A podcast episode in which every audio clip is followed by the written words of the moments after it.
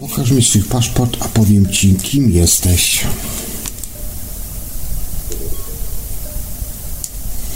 Jeżeli jesteś właścicielem tego paszportu, prawdopodobnie umrzesz przed pięćdziesiątką. Mowa tutaj jest o paszporcie Republiki Sierra Leone. W Polsce 50-letni mężczyzna jest w sile wieku, natomiast Sierra Leone natomiast statyczniejszy od 120 dni on już niestety nie żyje. Przewidywana długość życia u kobiet jest tylko znacznie wyższa, a jednak kiedy te liczby można zaliczyć do sukcesów, jakie odniosły ten biedny afrykański kraj w ostatnich latach, jeszcze na początku XXI wieku oczekiwania noworodka wynosiły zaledwie 37,8%. Z obecną przewidywalną długością życia Sierra Leone znajduje się na samym końcu światowego rankingu. Paszport palestyński. Jeżeli jesteś właścicielem tego paszportu, to praktycznie nie istniejesz. Państwo wystawiające paszport musi być uznawane na arenie międzynarodowej. W przeciwnym razie nie ma sensu go wydawać. I to właśnie jest tutaj problem. A chodzi głównie o paszport palestyński, ponieważ 136 krajów potraktowało wprawdzie ten teren palestyński za oficjalny byt państwowy, ale 57%, ale 57 wciąż jeszcze tego nie zrobiło. A wśród nich znajdują się największe światowe mocarstwa USA, Kanada oraz członkowie Unii Europejskiej. Dla nich Palestyńczycy są osobami bez przynależności państwowej. Dlatego na okładce paszportu widnieje napis yy, Palestinian Authority, a nie państwo, republika czy też królestwo. Przeciwnym razie dokument ten mógłby być skonfiskowany za granicą jako falsyfika. A co to może oznaczać dla Palestyńczyków? A to, że mogą oni wyjeżdżać bez wiz tylko do 36 krajów. I choć i tak znacznie więcej niż w przypadku Afgańczyków, którzy są na szarym końcu listy i bezwizowo mogą odwiedzać zaledwie 24 kraje. Jeżeli jesteś właścicielem yy, Unii Europejskiej, jesteś jesteś w miarę dobrej pozycji, że tak to powiem.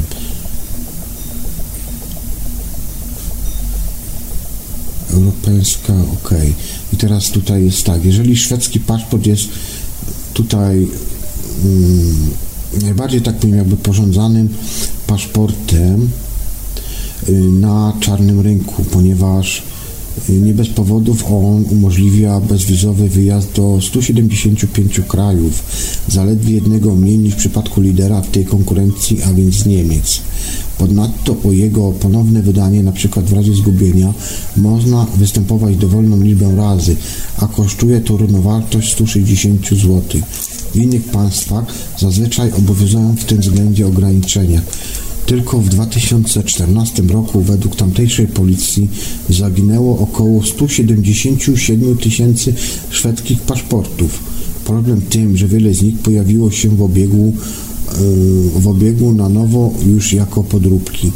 Czarnorykowe ceny za taki dokument zaczynają się od 12 tysięcy złotych za sztukę. Paszport koreański.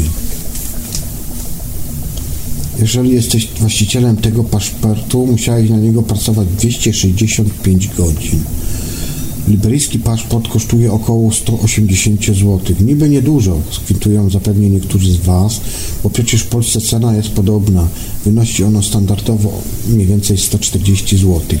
Tyle, że Liberczyk, Liber, Liberyjczyk może jedynie pomarzyć o takiej stawce minimalnej 13 zł na godzinę podczas gdy najmniej zarabiający Polak musi pracować na swój paszport niecałe 11 godzin, to Liberyjczyk haruje 24 razy dłużej, czyli półtora miesiąca. Jest to skutek niezwykle niskiej płacy minimalnej wynoszącej około 5,5 zł za dzień. Paszport Republiki Nigeryjskiej Prawie miliard ludzi na świecie nie umie czytać ani pisać. Najbardziej ekstremalnym przypadkiem jest tutaj Niger. Tym afrykańskim kraju zaledwie jeden na pięciu mieszkańców jest w stanie przeczytać wiadomość albo gazetę, a wśród kobiet tylko jedna na dziesięć. Powodem, dla którego żyje tam 15 milionów analfabetów, jest brak popytu na naukę. Zwłaszcza w przypadku dziewcząt na obszarach wiejskich praca jest ważniejsza od wykształcenia, a chodzenie do szkoły uznaje się za nieistotne, o ile pobliżu, jeżeli jeszcze w ogóle taka szkoła istnieje. Paszport Malty. Posiadanie obywatelstwa jednego z krajów Unii Europejskiej jest marzeniem milionów ludzi na całym świecie. Mieszkanie, gdzie się chce podróżować, dokąd się chce, wolny obrót towarów oraz usług oraz bezpieczeństwo zapewnione przez silną wspólnotę dla Polaka, Francuza czy też Czecha jest już oczywistością, ale dla osób spoza tego, nazwijmy to ekskluzywnego kręgu, pozostaje nieosiągalnym pragnieniem. Pozornie, ponieważ niewielu bowiem wie, że istnieje prosty sposób na utrzymanie paszportu Unii Europejskiej. Wystarczy wystawić czek. W celu wzbogacenia swoich budżetów niektóre kraje członkowskie sprzedają nieograniczone zezwolenia na pobyt, a Malta nawet obywatelstwo.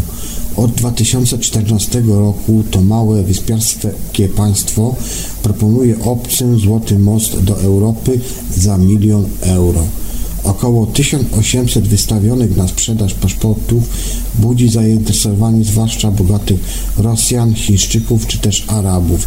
Niektórzy z nich są podejrzewani o problem ucieczki przed podstępowaniem karnym. Tak, następny paszport to Monako. W księstwie Monako niemal 38 tysięcy osób żyje na zaledwie 2 km kwadratowych.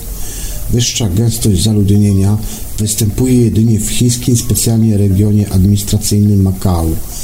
Jest to właśnie miasto-państwo nad Morzem Śródziemnym. Jest ono bezsprzecznym faworytem wśród milionerów. W zależności od sposobu liczenia do tej grupy należy co drugi lub co trzeci mieszkaniec. Z tym, że są to głównie obcokrajowcy bez obywatelstwa monakijskiego, którzy to osiedlili się tam z racji niskich podatków. Prawdziwych monakijczyków jest tylko tutaj 8 tysięcy osób. Przeważnie są oni nimi od urodzenia. Cieszą się oni wieloma przywilejami, a na przykład mieszkania, mieszkanie z państwowego majątku nieruchomości. Nic więc dziwnego, że na ceny sięgające 400 tysięcy złotych za metr kwadratowy mogą pozwolić sobie tylko i wyłącznie napływowi bogacze. Szwajcaria. Paszport szwajcarski. Co nam daje paszport szwajcarski? Szwajcaria jako potęga wojskowa. Tak przynajmniej jeśli chodzi o uzbrojenie mieszkańców. Na czele tego rankingu stoją oczywiście Stany Zjednoczone, w których jest więcej sztuk broni niż mieszkańców. Tego poziomu Szwajcaria raczej nie osiągnie. Na drugim stopniu podium znajduje się ogarnięty wojną domową Jemen ale już trzecie miejsce oraz czwarte zajmują niewielkie europejskie miasta. Serbia 55 sztuk broni na, na 100 mieszkańców i właśnie Szwajcaria, w której też współczynnik ten wynosi 46 sztuk na 100 mieszkańców. Podczas wojny na Bałkanach 4 miliony sztuk broni dostały się do rok prywatnych. Większość Serbowie jednak trwają do dziś. W Szwajcarii natomiast wszyscy mężczyźni podlegają obowiązkowi służbowej woj służby wojskowej. Po ukończeniu kursu podstawowego zabierają karabiny i pistolety do domu na wypadek konieczności obrony kraju. Do 2007 roku dostawali również amunicję. Jednak niestety to uległo zmianie. El Salvador, paszport tego kraju. Jeżeli jesteś właścicielem tego paszportu, to co 79 minut twój rodak zostaje zamordowany. Połowa zabójstw na całym świecie rozkłada się na zaledwie 10 państw. Na samym szczycie rankingu znajduje się położony w Ameryce Środkowej niewielki Salwador. 109 morderstw na 100 tysięcy mieszkańców rocznie oznacza, że statystycznie co 79 minut jeden z 6,1 miliona Salwadoryjczyków ginie z ręki innego człowieku. Dla porównania w Polsce wskaźnik zabójstwa wynosi 0,74, a na świecie 6,2. Sytuacja w Salwadorze jest spowodowana głównie nieustanną wojną gangów z innymi grupami przestępczymi, policją czy też wojskiem.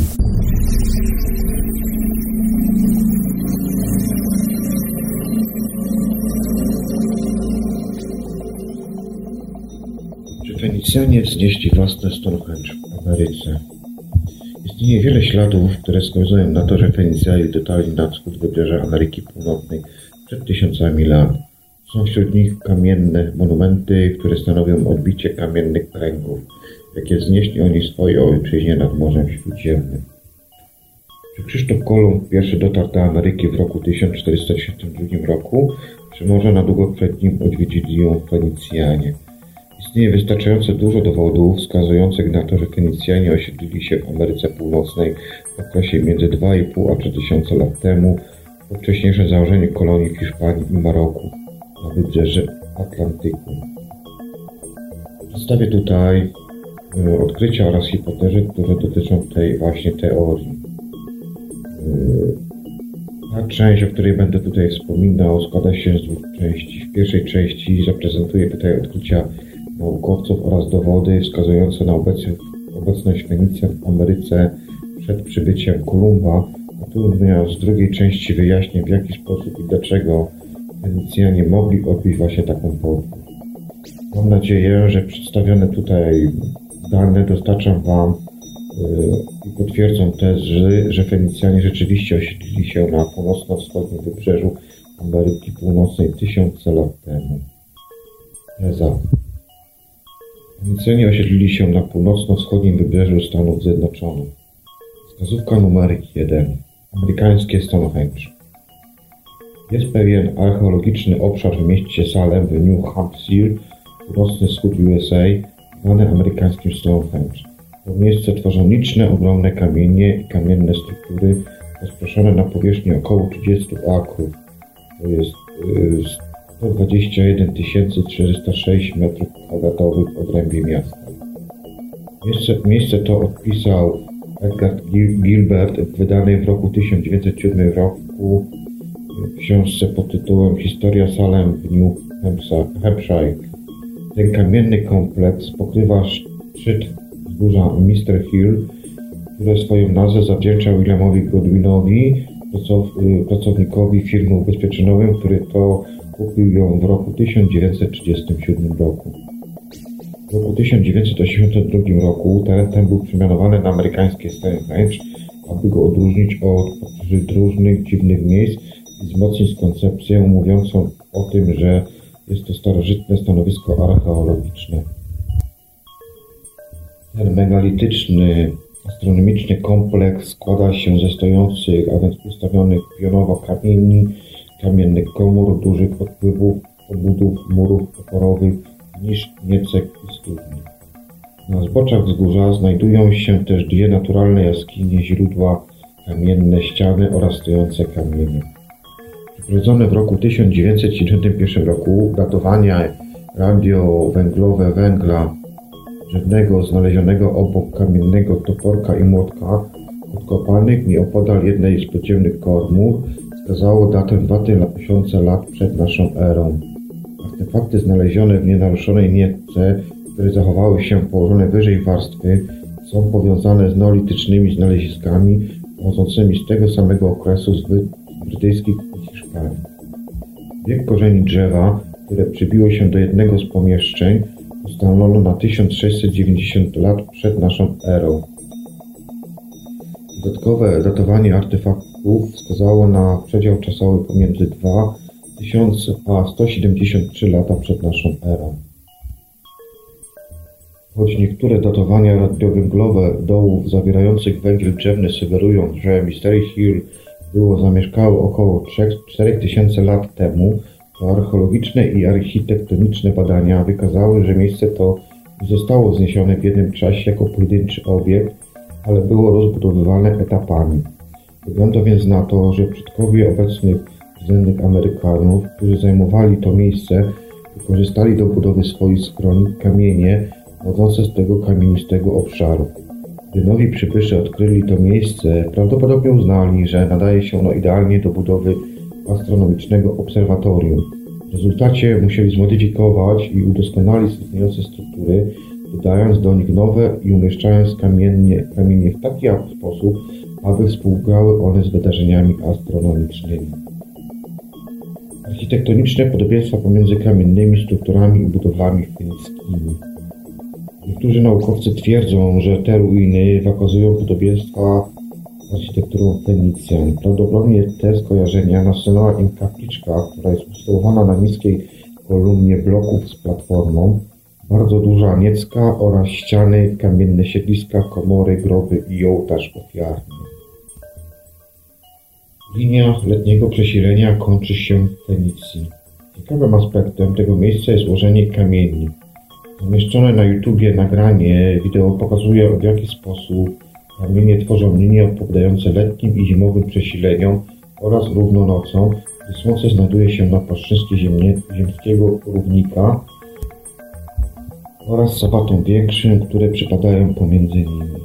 Jeszcze bardziej intrygujące jest to, że gdyby przedłożono linię letniego przesilenia w amerykańskim Stonehenge, wówczas przecięłaby ona jeden z trylitów Stonehenge Anglii i biegnąc dalej dotarłaby do Bejrutu w Libanie, ojczyźnie Fenicjan.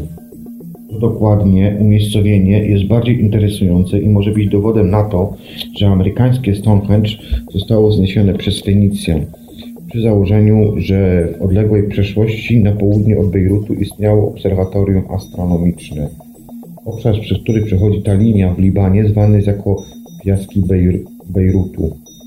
Istnieją dowody na istnienie kamiennych kręgów na południe od, Be od Bejrutu. Lorraine Copeland, archeolożka z ponad 50-letnim doświadczeniem oraz Peter Westcomb, brytyjski dyplomata pracujący w Libanie w latach 1963-1966 badali ten obszar we współczesnych latach 60. Odkryli ważne starożytne miejsce położone na wschodnim końcu jednego z pasów startowych lotniska w Bejrucie. W roku 1964 roku libański archeolog Roger Saibach przeprowadził tam wstępne wykopaliska. Ten mierzący około 500 m2 obszar składał się z dwóch sąsiadujących ze sobą sektorów. W jednym był czerwony, a w drugim współczesny piasek. W pierwszym sektorze znaleziono ludzkie szczątki, natomiast w drugim sześć okrągłych kamiennych struktur. W tamtym czasie te kręgi były usytuowane w odległości około 20 do 40 metrów od pasa startowego lotniska.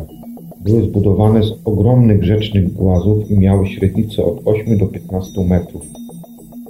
Kamienie tworzące kręgi miały nieregularny, owalny lub okrągły kształt oraz wysokość od 3 do 6 metrów.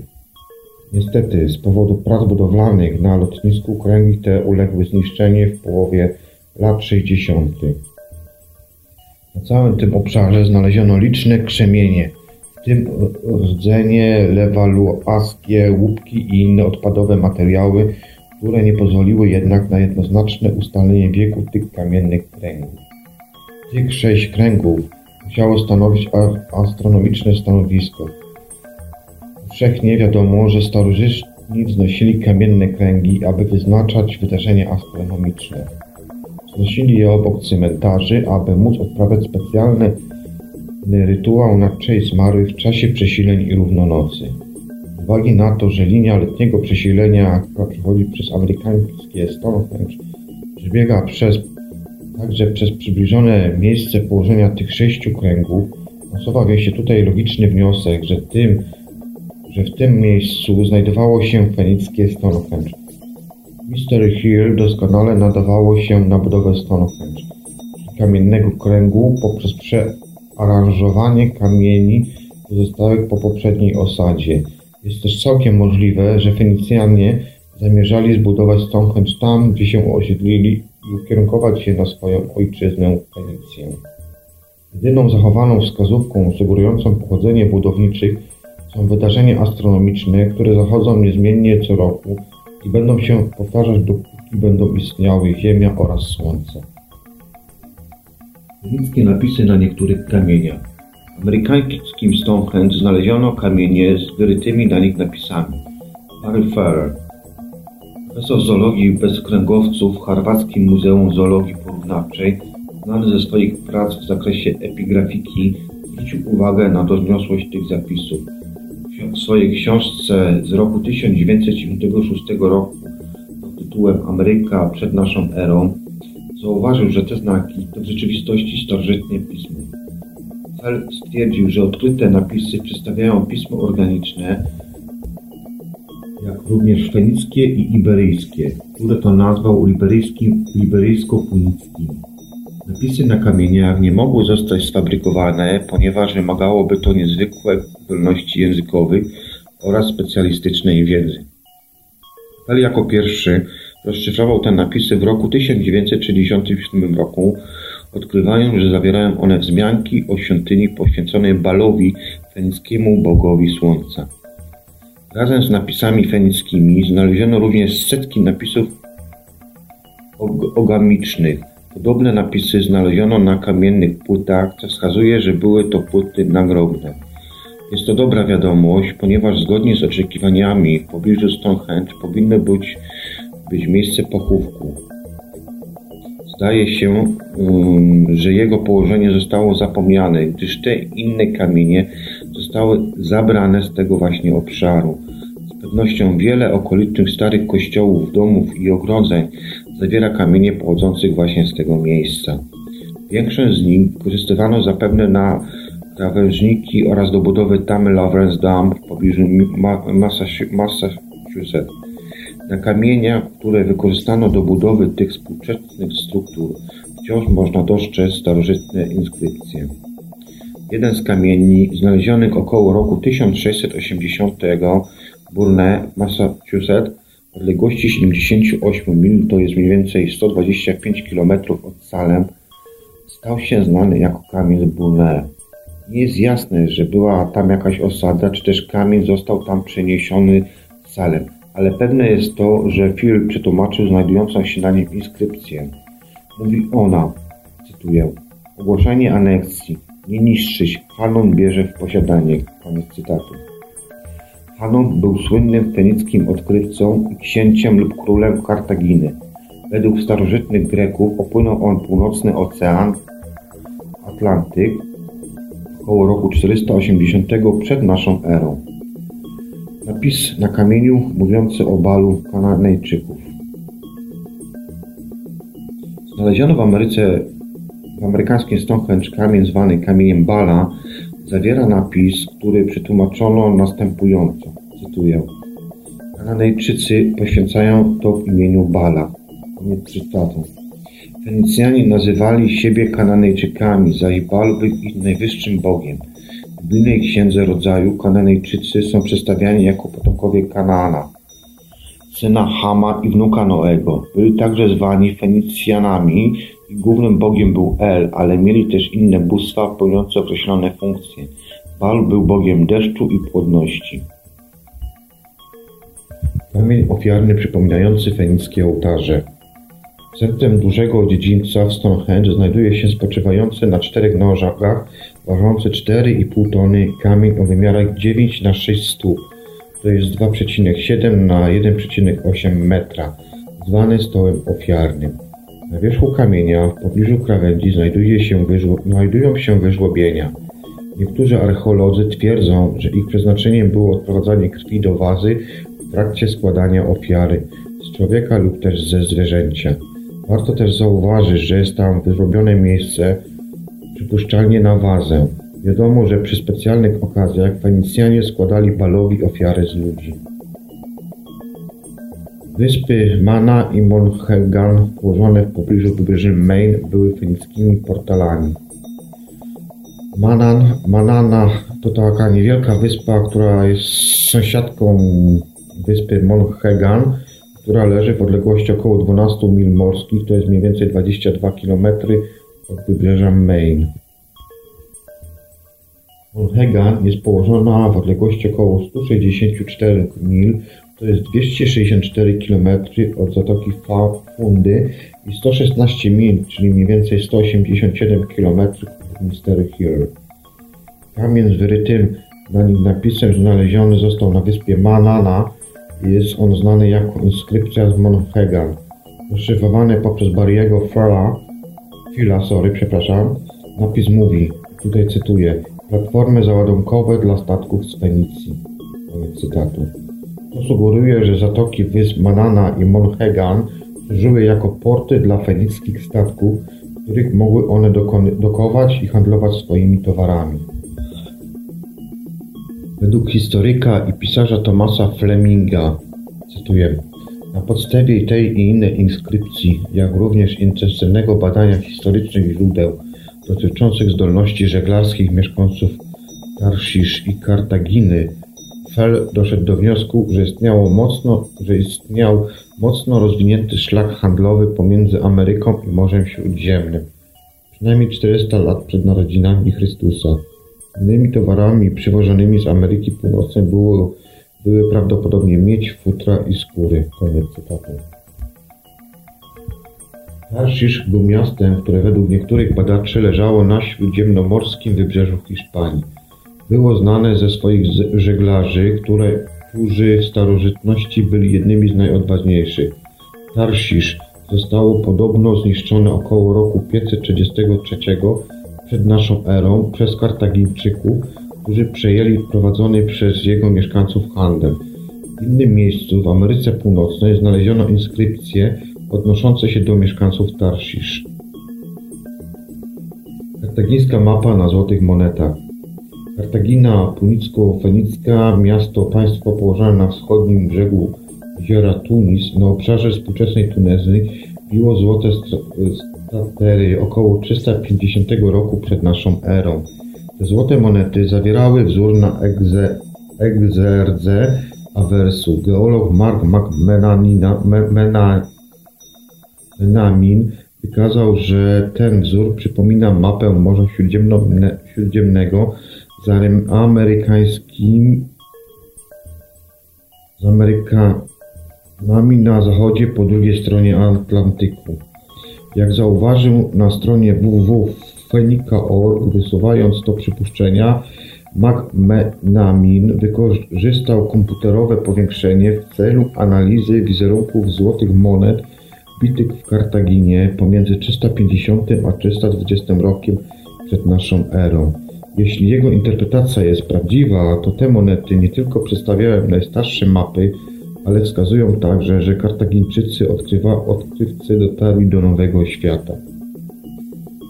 Pismo Arystotelesa, zbiorze anegdot, opowiadania zdumiewające, którego autorstwo przypisuje się Arystotelesowi, jest napisane.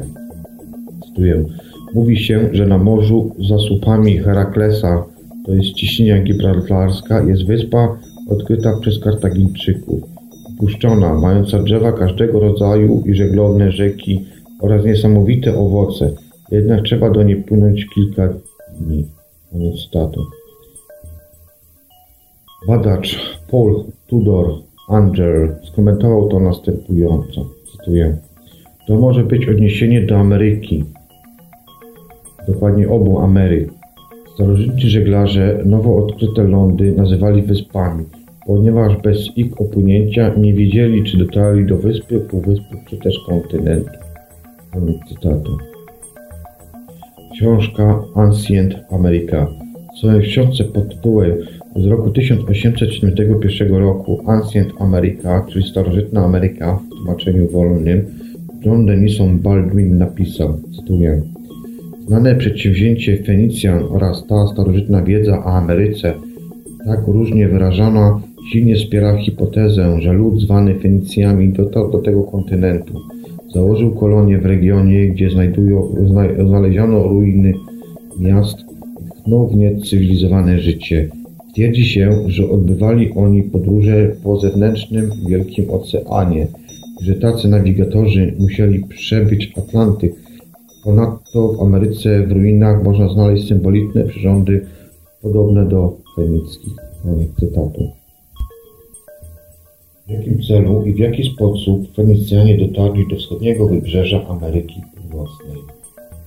Po tych kilku wskazówkach wspierających teorię, że Fenicjanie podróżowali do Ameryki Północnej, pozwolę sobie teraz tutaj wyjaśnić, jak i dlaczego odbywali takie właśnie podróże. Pierwszy jakby taki aspekt to jest to, że Fenicjanie byli słynnymi morskimi podróżnikami. Fenicjanie swój szczyt swojej potęgi osiągnęli w okresie między 1500 a 300 rokiem przed naszą erą. Ich osady ciągnęły się wzdłuż wschodniego wybrzeża Morza Śródziemnego. Były to szczególnie Tyr, Sydon, Bejrut, Tyblos i Trypolis.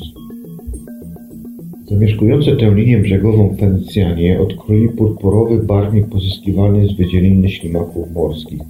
Ich purpurowe tkaniny były bardzo drogie i mogły sobie na nie pozwolić jedynie bardzo bogate i wysoko postawione osobistości. Grecy nazywali ich Hoenekoi, co oznaczało e, nosiciele krwisto-czerwonych ubrań. Fenicjanie byli rolnikami, leśnikami i rzemieślnikami, specjalizującymi się w stolarstwie, wytwarzaniu szkła, produkcji mydła i tkactwie. Opracowali oni metodę wytwarzania oliwy z oliwek i wina. Penetrowali otwarte morza, by sprzedawać swoje towary. Handlowali nimi w całym basenie Morza Śródziemnego i stali się znani jako odważni żeglarze o niesamowitej potędze handlowej. Fenicjanie z łatwością zawierali sojusze i zakładali osady w różnych portach położonych wokół Morza Śródziemnego, z których to najważniejsza była właśnie Kartagina. W roku 700 przed naszą erą stali się głównymi dostawcami surowców do Imperium Asyryjskiego, byli także przedstawicielami Egiptu. Dostarczali tym wielkim potęgom złoto, cynę, miedź i inne cenne dobra. Wskazuje, że zapuszczali się w głąb Morza Śródziemnego aż do zachodniej Hiszpanii, południowo-wschodniej Brytanii i zachodniej Afryki. Dowody na handel oraz sojusz z Egipcjanami można znaleźć w ruinach Byblos, gdzie egipskie zabytki sąsiadują z fenickimi. Istnieją opowieści o fenickim żeglarzu Hanonie, który odkrywał i kolonizował afrykańskie wybrzeża około 500 roku przed naszą erą. Podobno założył siedem miast i ustanowił kilka placówek handlowych. Grecy skopiowali inskrypcje ze świątyń Bala w Kartaginie, które to przetrwały i posta... przetrwały one w postaci manuskryptu z X wieku naszej ery, opisującej podróże tego człowieka. Ale ich źródła mówią również, że Haną był królem południowej Hiszpanii, a jego ojczystym portem był fenicki Kadyks. Fenicjanie byli założycielami miasta Kadyks. Warto też zauważyć, że udokumentowane podróże Fenicjan z Hiszpanii, czyli Iberii do Afryki, a następnie do Indii, byłyby dwukrotnie dłuższe niż podróż przez Atlantyk.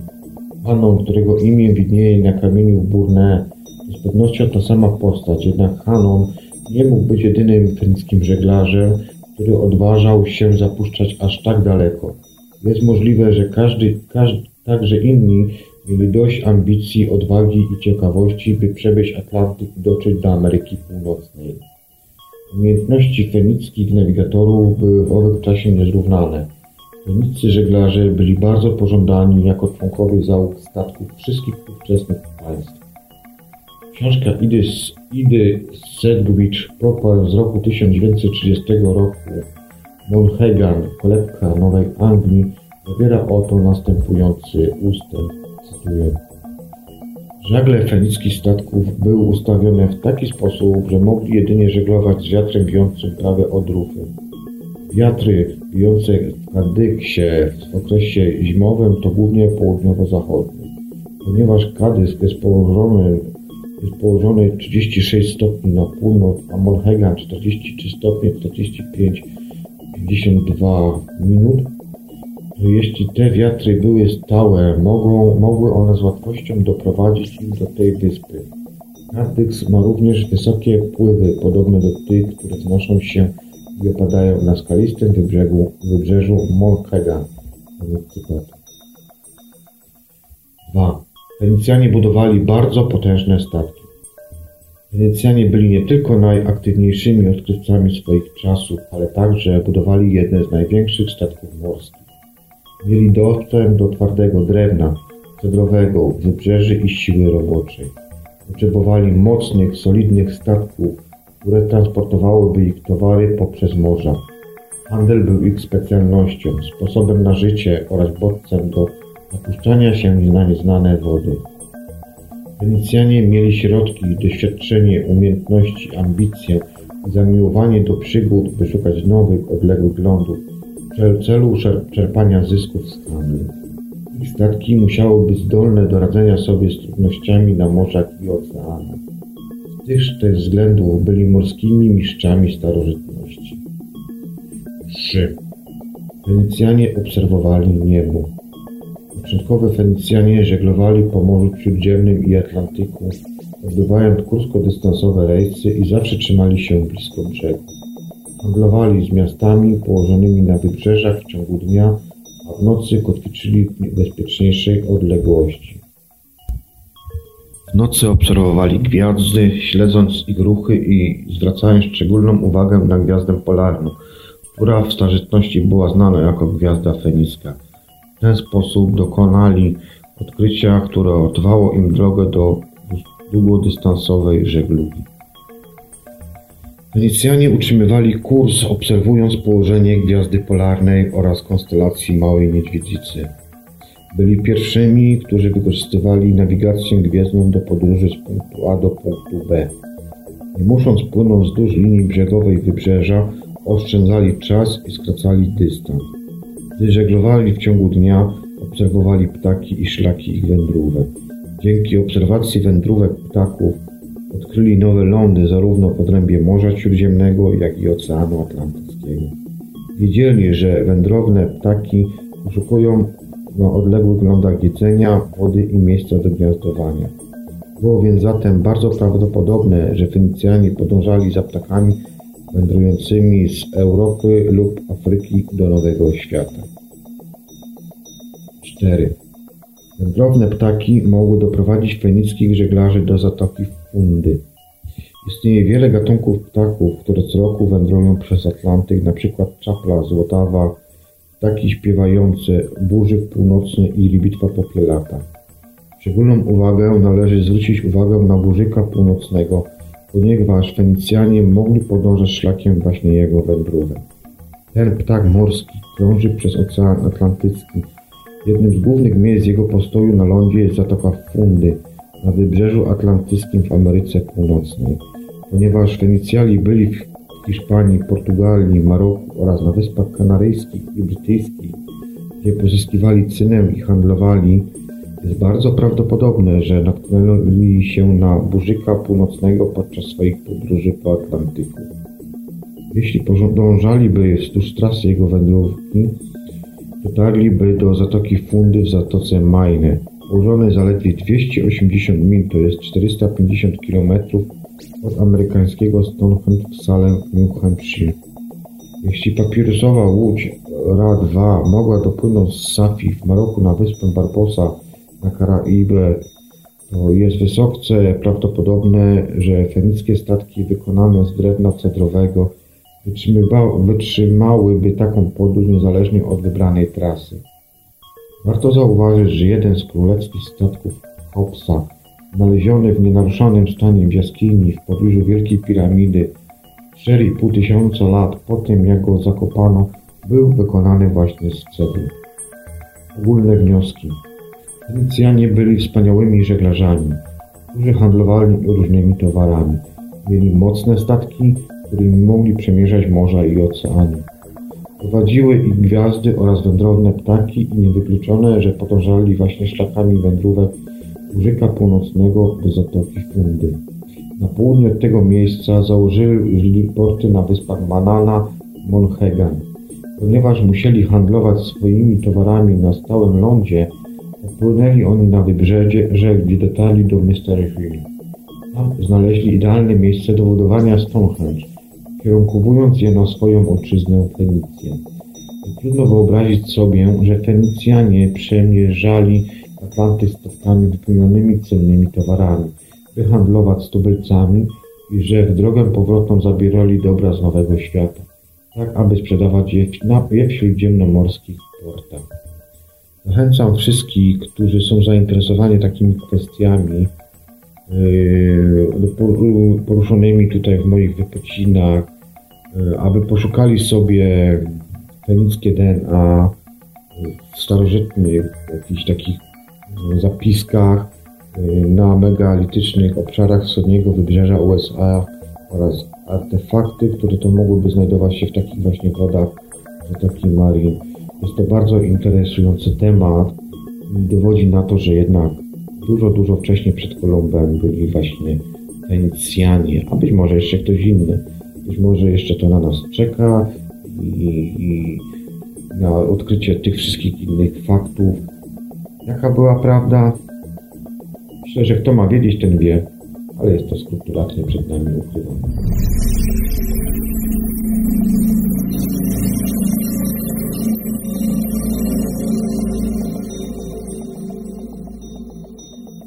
Zapomniani mieszkańcy obu Ameryk.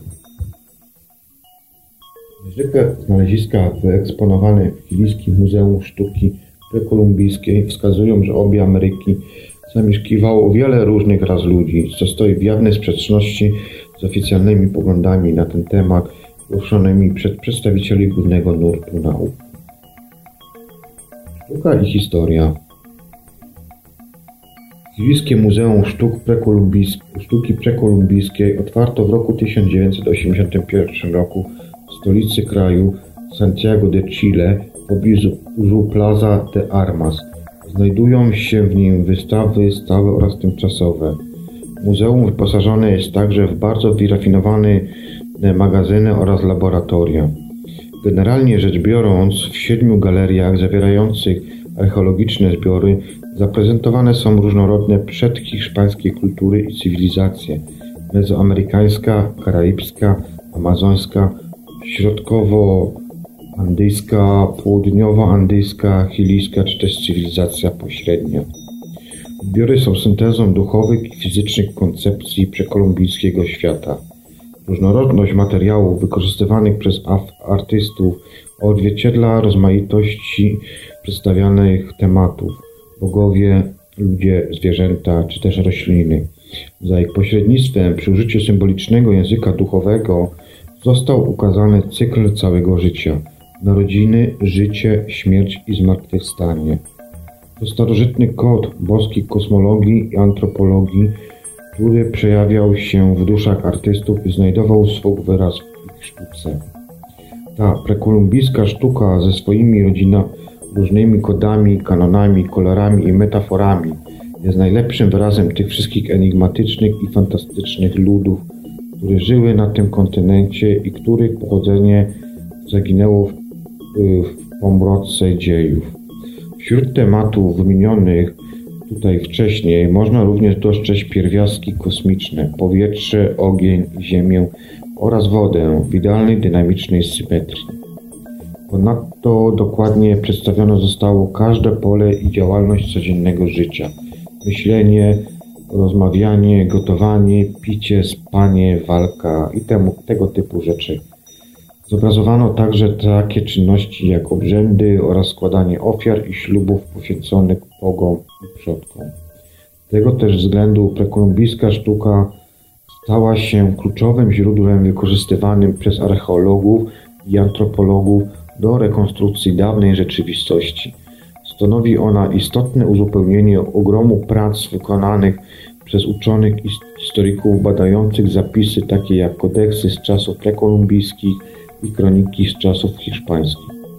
W związku z tym bardzo ważne jest zrozumienie, że obiekty, które składają się na bogatą i sztukę Ameryk, są właściwymi i niekwestionowanymi przejawami rzeczywistości kultur prekolumbijskich nawet jeśli nie można ich w pełni zrozumieć ze współczesnego punktu widzenia.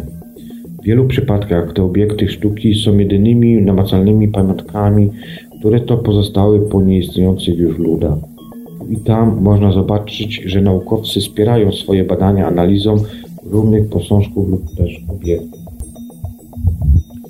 Na przykład w książce Kompendium Geograficznej, Przyrodniczej i Społecznej Historii Królestwa Chile z roku 1796 roku autorstwa Abe Juana i Ignacio Moliny są nawiązane do tak zwanego kalanas, które było swego rodzaju nakryciem głowym noszonym przez starożytne ludy mieszkające, zamieszkujące Ara, Araukanię w południowym Chile, chroniącymi ich przed promieniowaniem słonecznymi. Kiedy to znaleźli się na górze e, Treng lub Tren Tren po ostatnim wielkim potopie.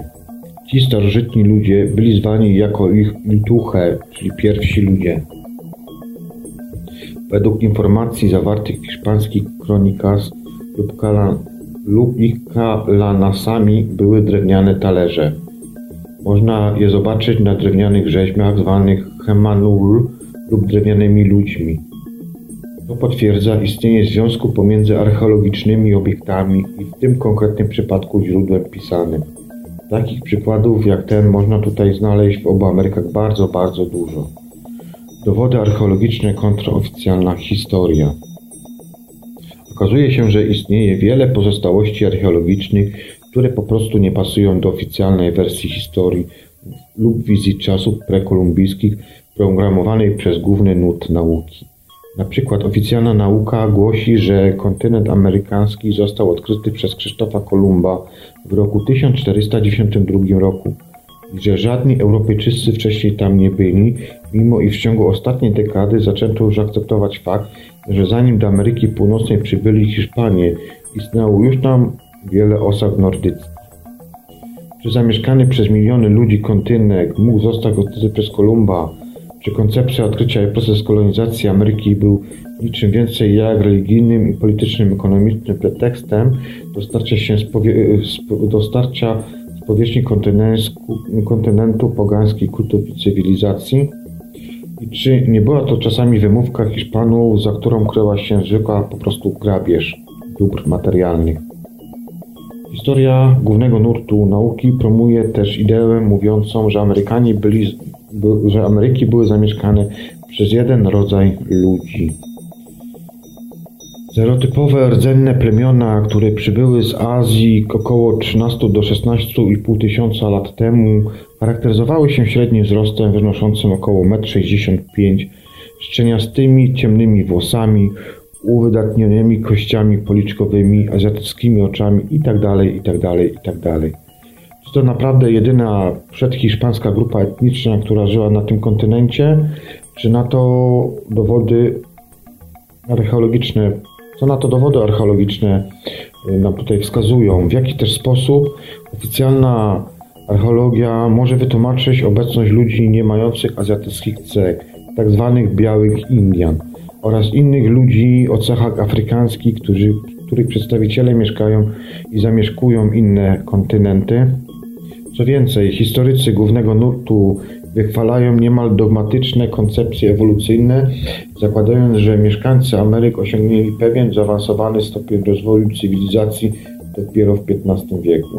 Wynika to z założenia, że przed tym okresem byli oni ludem zbieracko-łowieckim i że rolnictwo dopiero zaczęło się rozwijać.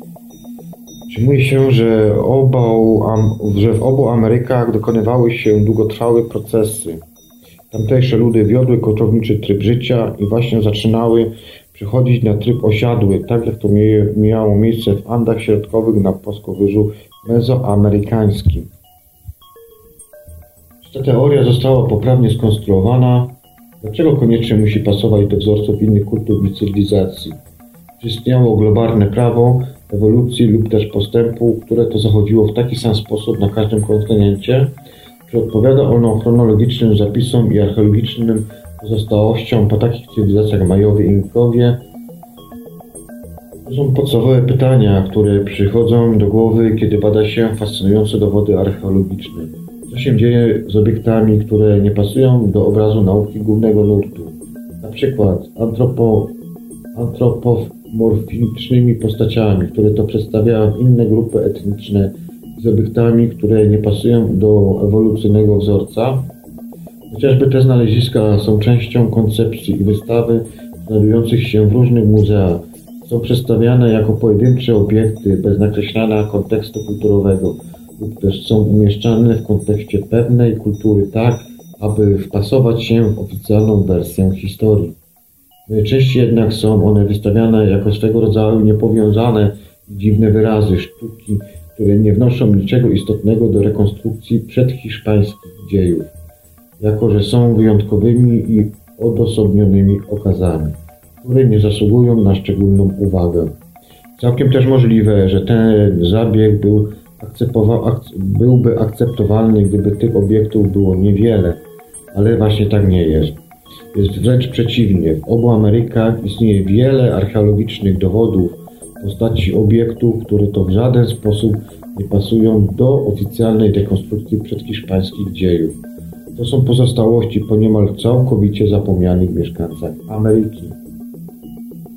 Nietypowe figury oraz dziwne artefakty. Już pierwszy rzut oka na archeologiczne kolekcje przechowywanych w chilijskim, y, w chilijskim Muzeum Sztuki Prekolumbyjskiej ukazują etniczną różnorodność, której to historycy głównego nurtu nie chcą tutaj zauważyć. A mianowicie to, że przed Hiszpanami w XV wieku w Amerykach żyli przedstawiciele różnych ras, którzy podróżowali szlakami pacyficznymi i atlantyckimi. Oczywiście znajdziemy tam także tradycyjne twarze o miedzianej karnacji oraz o azjatyckich cechach.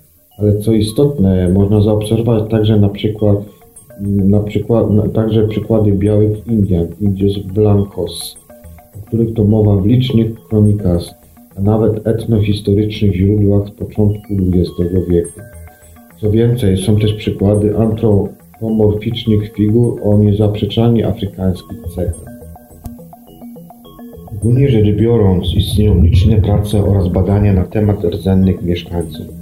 Ale co z tymi innymi grupami? Dlaczego archeolodzy i historycy ignorują obecność tych nierdzeninych grup? Jakie jest ich pochodzenie? Kiedy i w jaki sposób ci ludzie przybyli do Ameryki? Jaki był ich los? W biurach muzeum znajdują się także niesamowite posążki, które nie pasują do żadnej interpretacji. Jednym z najbardziej sugestywnych jest hybryda skulptury Yama Koukue Ekwadoru w postaci czworonożnego zwierzęcia z grubym ogonem i ludzką głową. Na poprzedniej... Okay. Będziemy tu tak kontynuować w takim razie tutaj dalej. Ja tutaj czytam z artykułu i mam po prostu też obrazki. Czasami jest mi to ciężko tutaj, że tak powiem, włapać, także przepraszam, że czasami się tutaj zatnę. Mm, dobrze. Innym ciekawym obiektem jest również zoomorficzna figurka na kołach skulptury Majów.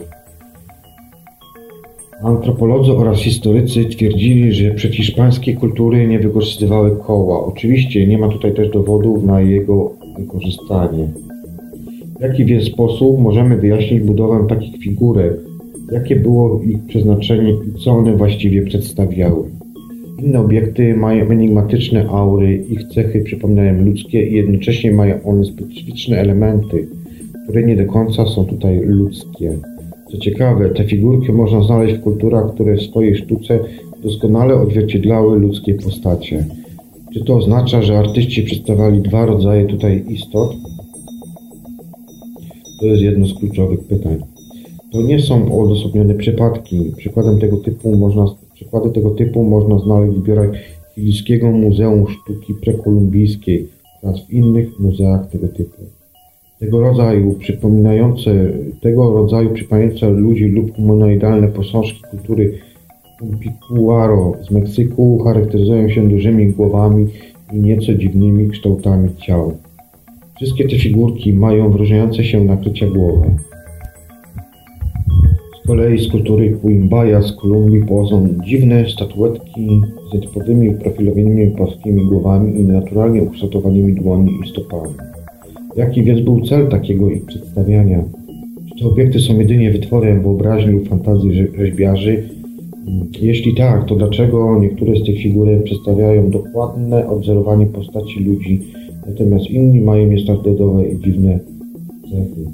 Są to obrazy, które figurek, te obrazy tych figurek są bardzo podobne do mm, wystugane te obrazy figurek są bardzo podobne do zdjęć choćby z lat 50. czy z początku XX wieku. Również ludzie w bardzo podobny sposób wyglądają. Jest to intrygujące i z pewnością bardzo, bardzo zastanawiające. Echa zaginionej rasy. Być może bardziej fascynująca jest znaczna liczba antropo, antropomorficznych postaci ukazujących mieszkańców Ameryki z wydłużonymi głowami, związanych z bogami lub z oddalonymi mocami, bohaterami, które to występują w różnych kulturach. Tierra de Fuego, Alaska. Byli to starożytni bogowie zwani jako Uwen w tradycji Patagonii, Viracocha w kulturze andyjskiej oraz Kuku klan mezoamerykańskiej. I tam starożytne mity oraz legendy, legendarne opowieści zachowały te niezwykłe, tworzące podstawę przedhiszpańskich cywilizacji.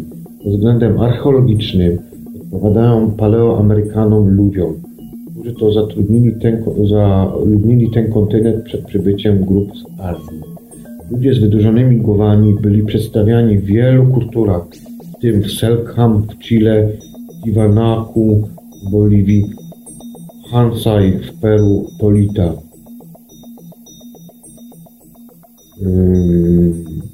Ponadto również w Yama Wakue i Valdivia w Ekwadorze, Maya Jaina, Kolima Nayarit oraz wschód Olmeku w Meksyku, w Hopi w Stanach Zjednoczonych i Tlingit na Alasce.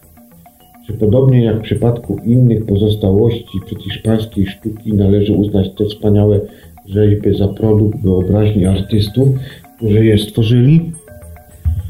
Dlaczego ten sam pomysł odnajdujemy w tak wielu odległych pod względem geograficznych kulturach? Jakie jest wyjaśnienie tego zjawiska? Co więcej, dlaczego ci ludzie z wydłużonymi głowami zawsze byli wiązani z bogami? Zdarzające jest to, że od czasu hiszpańskiego podboju wydłużone czaszki były znane Europejczykom uczonym.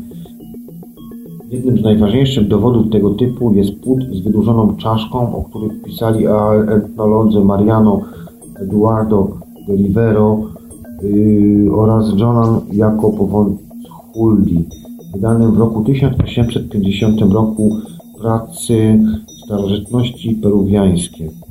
To może oznaczać, że wydłużone czaszki są nie tylko wytworem jakiegoś rodzaju manipulacji na ciele, ale również naturalną cechą rasy, która zniknęła. Obecnie dowody związane z tymi czaszkami są przytłaczające, o czym można nawet się przekonać odwiedzając Muzeum Archeologiczne Kiwanaku położone na wyżynach Boliwii. Kiwanaku Metropolia Viracocha była magiczną religijnym centrum andyjskiego świata i ostoją powstałego różnego powstałego później inkaskiego Tahuantinsuaj, Imperium Synów oraz Słońca. Synów Słońca i Słońca, przepraszam, pomyliłem się. Te wytwory sztuki są w istocie wspomnieniem dawnej rzeczywistości, a dokładnie mówiąc rzeczywistość rzeczywistych istot. W tym kontekście ważną rolę odegrali etnolodzy, którzy to prowadzili badania terenowe na początku XX wieku, zbadali ostatnie dzikie plemiona, które żyły z dala od zachodnich wpływów. Na przykład etnolog Martin Lusinde zarejestrował zachowane tradycje ludu Selkham, znanego także jako Ona, klanu Świętej Gałęzi Tierra del Fuego. Sinde udokumentował ważny obrzęd inicjacji zwany Hain, w którym to Selkham wspominali bogów lub duchy zwane jako Uwen, a więc nieśmiertelne pozaziemskie istoty, które przybyły z gwiazd i stworzyły ludzkość. W ramach tego rytuału Selknam odtwarzali pantomimę przedstawiającą Kuwę. Burzy to ukazywali byli jako postacie ze styczkowanymi nakryciami głowy i unikatowym wzorem namalowanym na ciele, który to podobno symbolizował jakąś konstelację. Jak można więc zauważyć, artystyczne pozostałości przedhiszpańskich kultur miały swoje odzwierciedlenie rzeczywistości głównie stanowią tak liczne dowody archeologiczne, że nie tylko stały się wyzwaniem dla oficjalnej wersji historii, ale wręcz ją podważają, wymagając się napisania jej na nowo.